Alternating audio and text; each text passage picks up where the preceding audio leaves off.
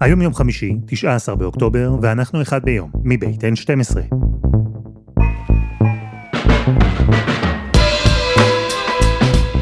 אני אלעד שמחיוף, ואנחנו כאן כדי להבין טוב יותר מה קורה סביבנו, סיפור אחד ביום, בכל יום.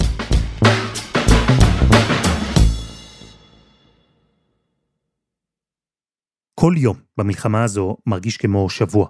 יש ימים שמרגישים כאילו הם שנה. אנחנו ביום ה-13 של מלחמת אוקטובר 23, לקראת סוף השבוע השני שלה. וגם בשבוע הזה התנהלה לחימה קשה בעזה ובישראל. גם בשבוע הזה מאות משפחות ישראליות קיבלו את ההודעה שאיבדו בן או בת, אימא או אבא, אח או אחות. היו משפחות שפשוט נמחקו, כולן. גם השבוע היו בישראל לוויות. היו קרובים שעדיין חיפשו את יקיריהם. וגם השבוע היו לפחות 199 ישראלים וישראליות שנמצאים בעזה. והייתה משפחה אחת, המשפחה של מי השם, שקיבלה השבוע עוד חיים ממנה, משם. היי, אני מי השם, בת 21 משוהם. אה, כרגע אני נמצאת בעזה. חזרתי ביום אה, לפנות בוקר, ביום אה, שבת לפנות בוקר מאזור שדרות, הייתי במשימה. נפצעתי קשה מאוד ביד, לקחו אותי לעזה, ניתחו אותי ביד כל. אז הפעם אנחנו עם עופר שלח, לשעבר עיתונאי, חבר כנסת וחבר בוועדת החוץ והביטחון, היום חוקר בכיר במכון למחקרי ביטחון לאומי, על השבוע השני של מלחמת אוקטובר 23 והאופן שבו הוא אולי ישפיע על השבועות שיגיעו אחריו. עופר שלח, שלום. שלום. אני חושב שאת השבוע הזה האחרון שווה לחלק אה, לשני חלקים. עד שלישי בערב ואחרי שלישי בערב, עד הפגיעה בבית החולים בעזה והביקור של ביידן בישראל וכל מה שקרה משם הלאה. תקן אותי אם אני טועה, תחושה מסוימת של, אה, איך אני אקרא לזה, סטטיות בפעולה הישראלית בעזה? כלומר, יש התקפות, הן נמשכות, אבל לא משהו שלא ראינו. לא, אני, אני ממש לא מסכים. תראה, אבל, אבל זה מאוד חשוב מה, מה שאתה אומר, גם במבט קדימה. תראה, קודם כל, אה, צה"ל מפעיל כוח חסר תקדים. במונחים, אצלנו אה, לא אוהבים אה, מונחים סטטיסטיים של כמה אנחנו זורקים חומר נפץ, איפה, כמה מטרות פגענו וכן הלאה, אבל צה"ל בערך בעשרה ימים הטיל את אותה כמות וביעילות יותר גדולה מאשר ב-51 יום של צוק איתן. וברור לך ולמי ששומע אותנו שיש לזה אפקט הרבה יותר גדול כשזה בזמן קצר. עכשיו, אם נתחיל מההתחלה למלחמה הזו, יש מטרה ברורה, מה שלא היה לנו בכל המבצעים והסבבים בעזה. המטרה הזו היא מיגור הכוח הצבאי של החמאס, הוצאת החמאס מכלל איום צבאי על אזרחי מדינת ישראל, ובהמשך יצירת מצב שבו הדבר הזה לא יוכל להתחדש. שזה אומר גם חמאס לא יוכל לשלוט בעזה, מפני שזה תנאי מבחינתו להתעצם ולהוות איום.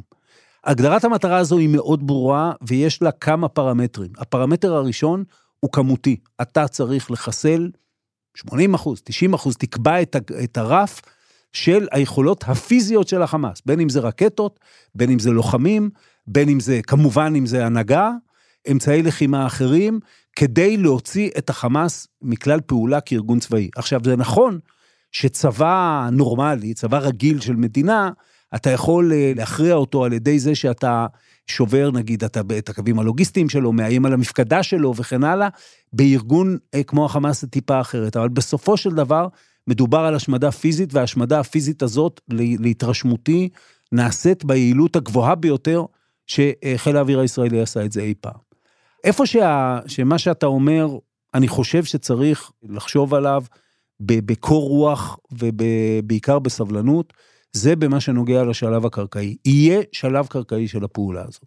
אבל צריך להגיד ביושר, מ-2006, אם לא לפני זה, פעולה קרקעית הפכה להיות בישראל כמעט איזה מבחן אומץ, כמעט איזה מבחן של החברה הישראלית, נכונותה לסבול נפגעים, נכונותה להקריב קורבנות וכן הלאה. תמרון קרקעי איננו מבחן אומץ, תמרון קרקעי הוא כלי אופרטיבי שאתה משתמש בו כדי להגיע למטרה בתוך המערכה. ולמיטב שיפוטי, שנשען לא רק על הידע שלי, אלא על שיחות שלי לאורך ורוחב המערכת, גם דברים שאנחנו מתעסקים בהם במכון למחקרי ביטחון לאומי. את התמרון בפעם הזו צריך להכין הן בהיבט הפיזי שלו, והן בהיבט של ההגדרות שלו, באופן מאוד דקדקני, מאוד מדויק, כדי שאנחנו לא נגיע למצב שנבצע אותו, א', נסבול נפגעים, אבל ב', גם לא נגיע בסופו של דבר לאיזושהי מטרה, כי ברגע שאתה נכנס לתוך השטח, השעון מתחיל לתקתק אחרת. ואני אומר, צריך סבלנות. אני, הדוגמה שאני נותן, היא דוגמה שהיא לא, אי אפשר ליישם אותה בישראל במאה אחוז. אבל uh, בקוסובו, כוחות ארצות הברית וכוחות נאט"ו ניהלו מערכה אווירית של 78 יום, והגיעו בסופו של דבר להכרעה. במקומות שהיה מהלך יבשתי, הרבה פעמים הדברים הסתבכו, המהלך היבשתי הוא, הוא מטבעו מסובך ומורכב. אז אני לא אומר שצריך להימנע ממנו, אני אומר שצריך להכין אותו במערכה אווירית מדויקת, וצריך להיות בעניין הזה סבלני, לא לרקוע ברגליים ולשאול איפה התמרון, ולא לחשוב שאם צה"ל לא מתמרן כרגע, זה בגלל שהוא פוחד או לא מספיק חזק. הזמן משחק לטובתנו בהיבט הזה? הזמן פה הוא אלמנט מאוד מורכב, ופה אני, אני נכנס לצד השני של, ה, של המשוואה מבחינתי. כי התביעה המאוד ברורה של הציבור הישראלי, תגיעו למטרת הלחימה בלחימה עצמה. זאת אומרת, בואו ניקח את המשפט המפורסם של קלאוזוויץ, שכל אחד יודע שהוא, אה, אה, לומדים אותו בקורסים הצבאיים הכי בסיסיים, שהמלחמה היא המשך המדיניות באמצעים אחרים. פה הציבור הישראלי פחות או יותר אומר, אני רוצה לראות שהמלחמה היא המדיניות, שהיא בסופו של דבר מביאה להכרעה של חמאס. ואני אומר, אם אנחנו רוצים שההישג הזה יהיה בר קיימא, אנחנו יודעים להשמיד, שוב, כפוף למגבלות אה, הזמן ומגבלות אחרות, אנחנו יודעים, יודעים להשמיד את רוב, אם לא כל, הכוח הצבאי של החמאס. כדי שההישג הזה יהיה בר קיימא, וכדי שהזמן גם יעבוד לטובתנו, ואם תרצה, נתייחס אחר כך גם לביקור של הנשיא ביידן, חייב להיות לצד זה חזון, לא לתהליך מדיני מול חמאס, חמאס אין, ולא יהיה פרטנר יותר לעולם, אלא לתהליך מול, בעיניי, מול מדינות באזור, מדינות שהן שותפות אינטרס של ישראל, הן בהבסת החמאס והן בתמונה של היום שאחרי, מדינות כמו ערב הסעודית והמפרציות ומצרים וירדן ומרוקו והרשות הפלסטינית, שמצייר את התמונה של עזה ביום שאחרי, ואני אומר, זה גם יקנה לנו יותר זמן למערכה שאנחנו צריכים לנהל. אוקיי, בוא נצפין, כי קורה בגזרה הצפונית שלנו משהו שהוא בעיניי אה, מדהים. אנחנו מתמקדים בעזה, אבל בצפון קורים דברים שבימי שגרה היו מרעידים את אמות הסיפין. אנחנו מדברים על לפחות 13 פעמים שחיזבאללה ירה טילי נ"ט לעבר מטרות ישראליות, יש גם פצועים, וחיזבאללה לוקח אחריות על העניין הזה, ועדיין בישראל אומרים שזה מה שנקרא מתחת לרף המלחמה. תסביר לי, מה בדיוק קורה שם בצפון? מה שקורה הוא שבזמן מלחמה, כן, המשוואות מתהפכות. וכמו שהמשוואה אצלנו שאמרה, יש רגישות מאוד גדולה לנפגעים, מתהפכת ואנחנו אומרים, כדי להשיג את המטרה אנחנו צריכים תמרון קרקעי, למרות שאנחנו יודעים שיהיו בו נפגעים. אתה שואל מה האינטרס הישראלי? ואני חושב שהאינטרס הישראלי המובהק הוא לבודד את זירת המערכה ולהשאיר אותה בעזה בלבד, ואני אסביר למה. אה, זה נכון שהחיזבאללה תכנן, ואולי עדיין מתכנן, מהלך פתיחה דומה למה שראינו ברצועת עזה, והחיזבאללה, הכוח רדואן של החיזבאללה הוא כוח יותר חזק מהנוח'בה של החמאס.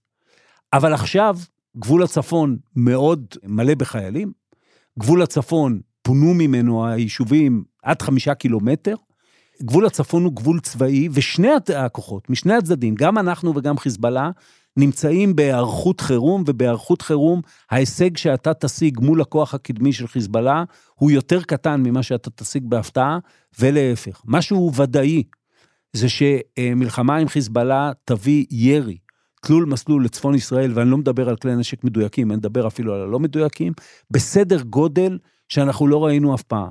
ואתה אל מול זה צריך לשאול מה יהיה ההישג שלי. ואני חושב שכשאתה משווה הישג אפשרי למחיר ודאי ולתמונת הפתיחה של המלחמה, האינטרס הישראלי הוא לבודד את אה, זירת המערכה. לא בטוח, אגב, שנגיע לזה, כי יש שני, שני צדדים למשוואה. אבל כל עוד אנחנו יכולים לעשות את זה כדי להתמקד בעזה, אני חושב שזה מה שאנחנו צריכים לעשות, וכן, לסבול את uh, uh, הצקות חיזבאללה האלה ואחרות, להגיב עליהן. אני, ישראל הרגה לא מעט אנשי חיזבאללה גם בעשרה ימים האחרונים, לשאול כל הזמן בקור רוח מה האינטרס שלי כדי להשיג הישג מקסימלי, ולא להגיד חיזבאללה העליב אותי. אני אגיד עוד דבר, עוד דבר אחרון. וזה שוב, הכל בימים האלה מקאברי וקורע את הלב. המתקפה הנוראה של החמאס ב-7 באוקטובר יצרה מצב שלישראל יש היום הצדקה למכת מנע כנגד האויבים שלה, לא רק עכשיו אלא גם בעתיד. מפני שאחרי שראינו מה קורה, מה עושה כוח כזה, יש לגיטימציה גם פנימית וגם חיצונית להכות כוח כזה מכה מקדימה, מה שלא היה לנו.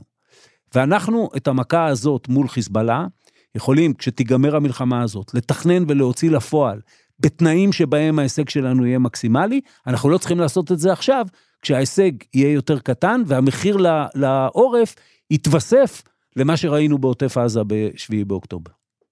אז עכשיו אני לוקח רגע את כל החזיתות ואני רוצה להגיע איתך לשלישי בערב. אותו פיצוץ בבית החולים בעזה. פה אני רוצה לשאול אותך דווקא כעיתונאי. מהר מאוד הנרטיב התקבע שישראל ביצעה את הפיצוץ. הייתה בכל העולם ההודעה של אה, בעצם חמאס, אבל בשם מכובס של אה, משרד הבריאות של עזה, וישראל לקחה את הזמן. I want to give you an announcement of the event that occurred in the hospital in Gaza. I can confirm that an analysis of the IDF operational systems indicates that a barrage of rockets was fired by terrorists in Gaza, passing in close proximity זה היה דבר נכון בעיניך? היה צריך אולי לפעול אחרת? אני חושב שזה היה דבר נכון. אני אגיד למה. השקר רץ יותר מהר מהאמת, זה אנחנו יודעים. כי כדי להפיץ את השקר אתה לא צריך לבדוק שום דבר, אתה יכול אה, להעיף אותו, ואגב, השקר כאן גם אה, נופל על, אה, על קרקע פוריה, מפני שמי שקלט אותו והאמין בו, זה אדם שמאמין ממילא שמה שישראל עושה בעזה איננו מוסרי. אתה כדי בסופו של דבר להילחם בו, הכוח שלך הוא לא שתהיה יותר מהיר, אלא שתהיה הרבה הרבה יותר מבוסס.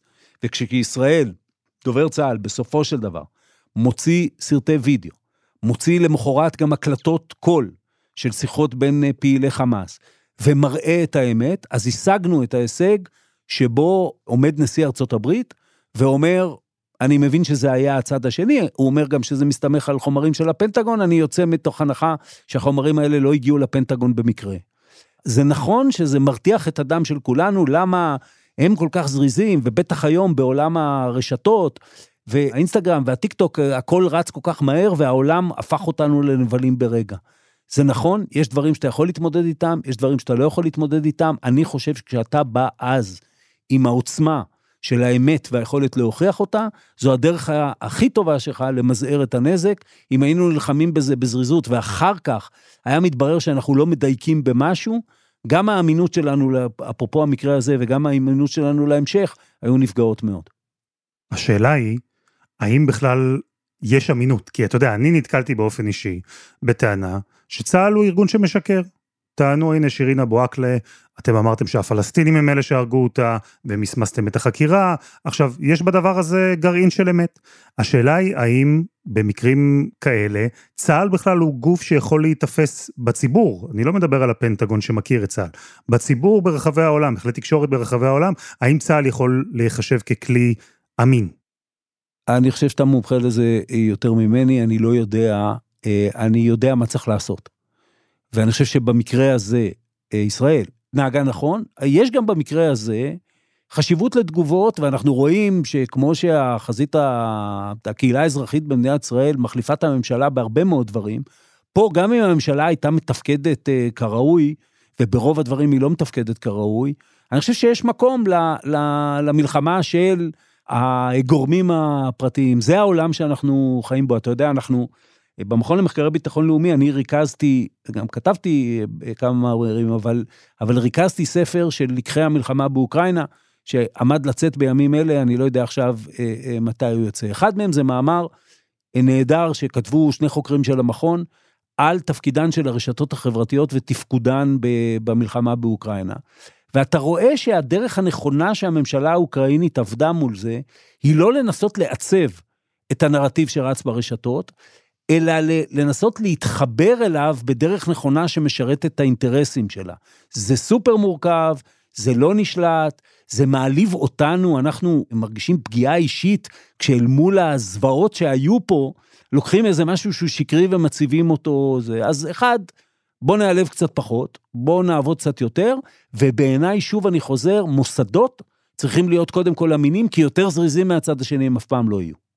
מקבלי ההחלטות, האמירה של ביידן, אחר כך היא הודדה על ידי גורמים אה, ממלכתיים באיטליה, באנגליה וכן הלאה. יש לזה את המשמעות מבחינת ההשפעה של זה על יכולתה של ישראל להילחם ולהגן על עצמה, יותר מאשר מה שרץ ברשתות, ואני לא מזלזל במה שרץ ברשתות. אבל אתה לא יכול לנצח בכל החזיתות, אני מעדיף לנצח אצל מקבלי ההחלטות. אז בוא נדבר על ביידן. אתה יודע להסביר לי למה בדיוק הוא בא? זה רק הבעת תמיכה או שיש פה משהו מעבר? לא, יש לי פרשנות מאוד מרחיבה של העניין שנשענת על תגובתה של ארה"ב, תגובתה חסרת התקדים של ארה"ב לאירועים. ו, ואתה יודע, את ההחלטה על שיגור הג'רלד פורד ל, לים התיכון, האמריקאים קיבלו עוד לפני שהם ראו את מחזות הזוועה מעוטף עזה. זאת אומרת, זו לא תגובה אמוציונלית. אה, האמריקאים רואים במזרח התיכון, אחרי שנים, גם ממשל אובמה וגם אה, ממשל טראמפ, אם היה דבר אחד שהיה משותף להם, זה היציאה מהמזרח התיכון. אובמה ראה במזרח התיכון, בביטוי שהשתמש בו אה, אה, עיתונאי מקורב אליו, a region to be avoided. טראמפ, לא יודע מה הוא רצה, אבל בהתייחס לזה כמו איזה עסקת נדל"ן. ממשל ביידן, שהבין את המשמעות של היציאה מהמזרח התיכון בהקשר של מה שמעניין את ארצות הברית. כשהוא רואה את סין מתווכת חימום יחסים בין סעודיה לבין אה, איראן, כשהוא רואה את אה, איראן תומכת ברוסיה, הופכת להיות המעצמה שתומכת ברוסיה, הוא הבין שהמזרח התיכון אתה יכול אה, לברוח ממנו, אבל הוא ירדוף אחריך. וכבר ביוזמה לנורמליזציה בין ישראל לסעודיה, ממשל ביידן בעצם אמר, אני חוזר לפה. ועכשיו הוא מסתכל על האירועים הנוכחיים, והוא אומר, אני חוזר לפה מלא מלא. I come to Israel with a single message you're not alone. You are not alone. As long as the United States stands, and we will stand forever, we'll not let you ever be alone. 75 years ago, just 11 minutes after its founding, President Harry S. Truman and the United States of America became the first nation to recognize Israel. We've stood by your side ever since we're going to stand by your side now. For decades, we've ensured Israel's qualitative military edge. And later this week, I'm going to ask the United States Congress for an unprecedented support package for Israel's defense. And my message to any state or any other hostile actor thinking about attacking Israel remains the same as it was a week ago. Don't. Don't. Don't. אבל הממשל הזה לא חוזר מלא מלא בשביל למנוע שחיזבאללה יירה על ישראל או לאיים על איראן וכן הלאה. הוא חוזר מלא מלא כדי לעצב מזרח תיכון בהובלה של ארצות הברית והשותפות שלה, והשותפות שלה, כמו שאמרתי, זה ישראל והמדינות האחרות. כך אני רואה את הביקור של ביידן, כך אני רואה את אה, כל המהלכים האמריקאים מעכשיו, ואני חושב שאנחנו צריכים ללכת עם זה, כי זה הסיכוי שלנו גם לנצח את המלחמה הזאת, לא בהיבט שלו, אנחנו ננצח אותה בהיבט הצבאי, אבל בהיבט של יצירת מצב שהוא אה, מצב ל, להרבה מאוד זמן, ויש לזה השלכות על המון דברים שישראלים לוקחים אותם for granted. אני שומע דיונים ואני משתתף בדיונים באולפנים שאומרים, אבל מה זה אומר על יכולתה של ישראל להגן על עצמה? כל התפיסה הזאת. של אנחנו נגן על עצמנו במו ידינו, אני קראתי לזה באחד הדיונים באולפנים, זו תפיסה אנלוגית בעולם דיגיטלי. העולם הוא עולם רשתי. האמריקאים מגדירים אותו כעולם רשתי. גם האמריקאים לא אומרים היום, אנחנו נשלוט בעולם או, או נכתיב איזה פקס אמריקנה, הם מדברים על רשת של בריתות ושותפויות. ישראל צריכה להיות חלק מזה. זה אומר שהמדיניות של ישראל, כשקורה אירוע כמו אוקראינה, היא לא תהיה הליכה בין הטיפות ואיזה ניסיון להיות חוכמולוגים בגרוש וכאילו לתווך בין הצדדים, אלא תהיה עמידה מאוד ברורה בצד הליברלי שמובילה ארצות הברית. הדבר הזה בעיניי הוא פתח לא רק לניצחון במלחמה הזאת, הוא אה, פתח לשינוי פני המזרח התיכון לטובת ישראל, ואני חושב שזה החזון של הנשיא ביידן, שלא במקרה גם דיבר פה ביציאתו הישיר מבט ודיבר על פתרון שתי המדינות, ואמר שלא כל הפלסטינים הם חמאס, ודיבר על סיוע אה, שארצות הברית הולכת לתת, לתת לעזה וליהודה ושומרון. והנשיא ביידן אומר לנו, לא היה לכם חבר כמוני, אבל החברות הזאת היא חברות מתוך ראיית עולם, אתם צריכים ללכת איתי בראיית העולם הזאת, ואם אתה שואל אותי, אנחנו צריכים. אתה אומר אנחנו צריכים, גם בלינקן, גם ביידן, היו שותפים בדיונים בקבינט. לא היה כדבר הזה. נשמע לי שישראל לא רק הולכת, אלא מאמצת ומחבקת את הנוכחות האמריקנית במלחמה הזו בצורה שיכולה לגרום להרבה אנשים להרים גבה.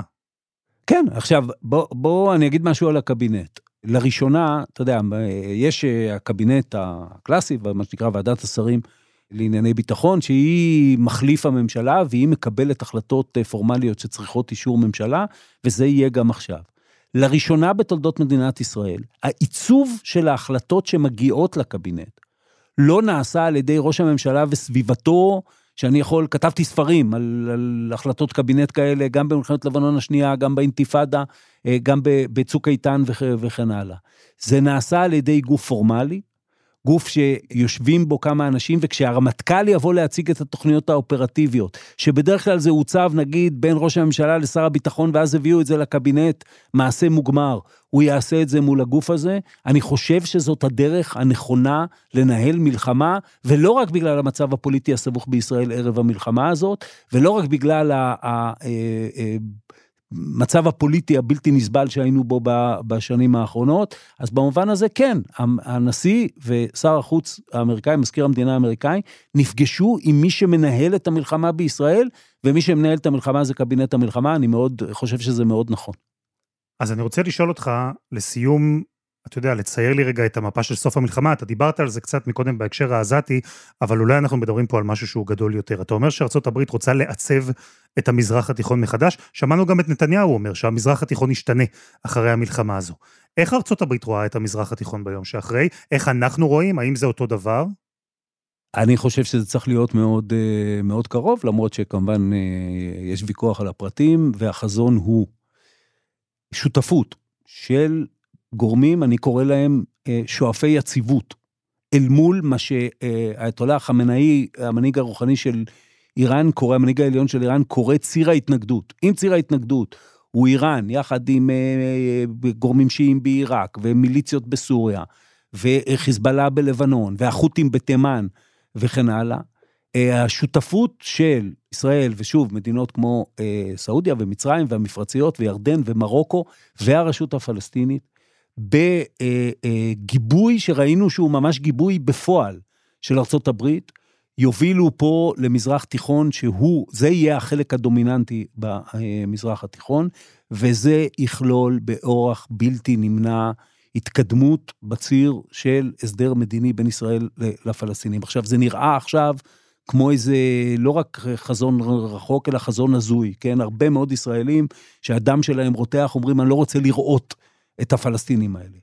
אבל הבעיה הפלסטינית גם ביום שאחרי, אחרי שנרסק את החמאס, ואחרי שנדאג אה,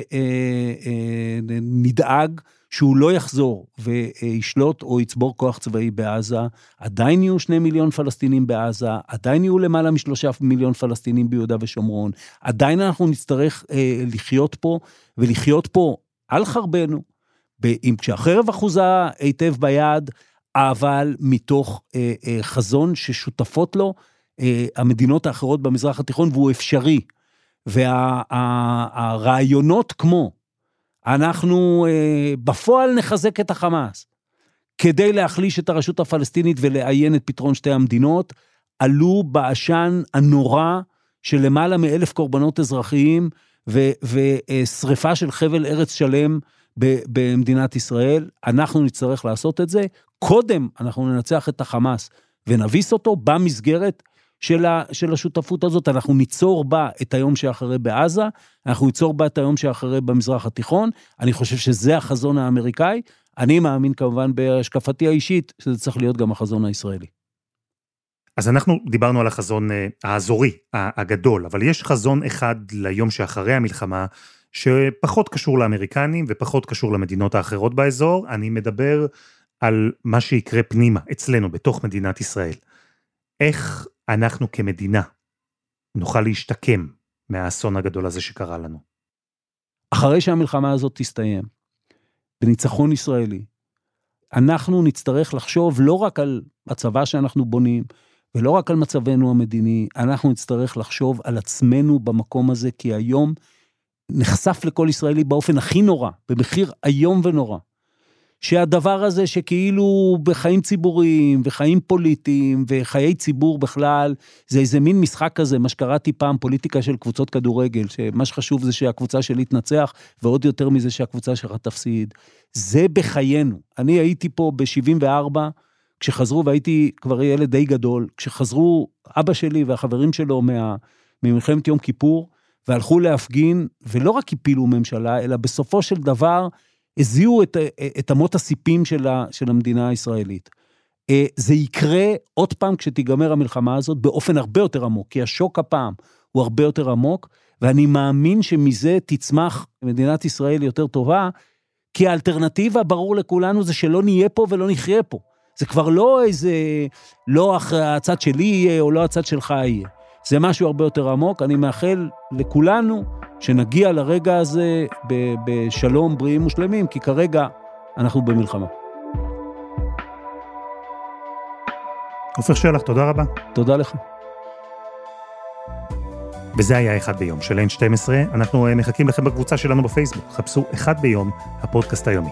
אנחנו שם. העורך שלנו הוא רום אטיק, תחקיר והפקה, עדי חצרוני, רוני ארניב, שירה הראל ודני נודלמן, על הסאונד מור הרטוב, יאיר בשן יצר את מוזיקת הפתיחה שלנו, אני אלעד שמחיוף, אנחנו נהיה כאן גם בשבוע הבא.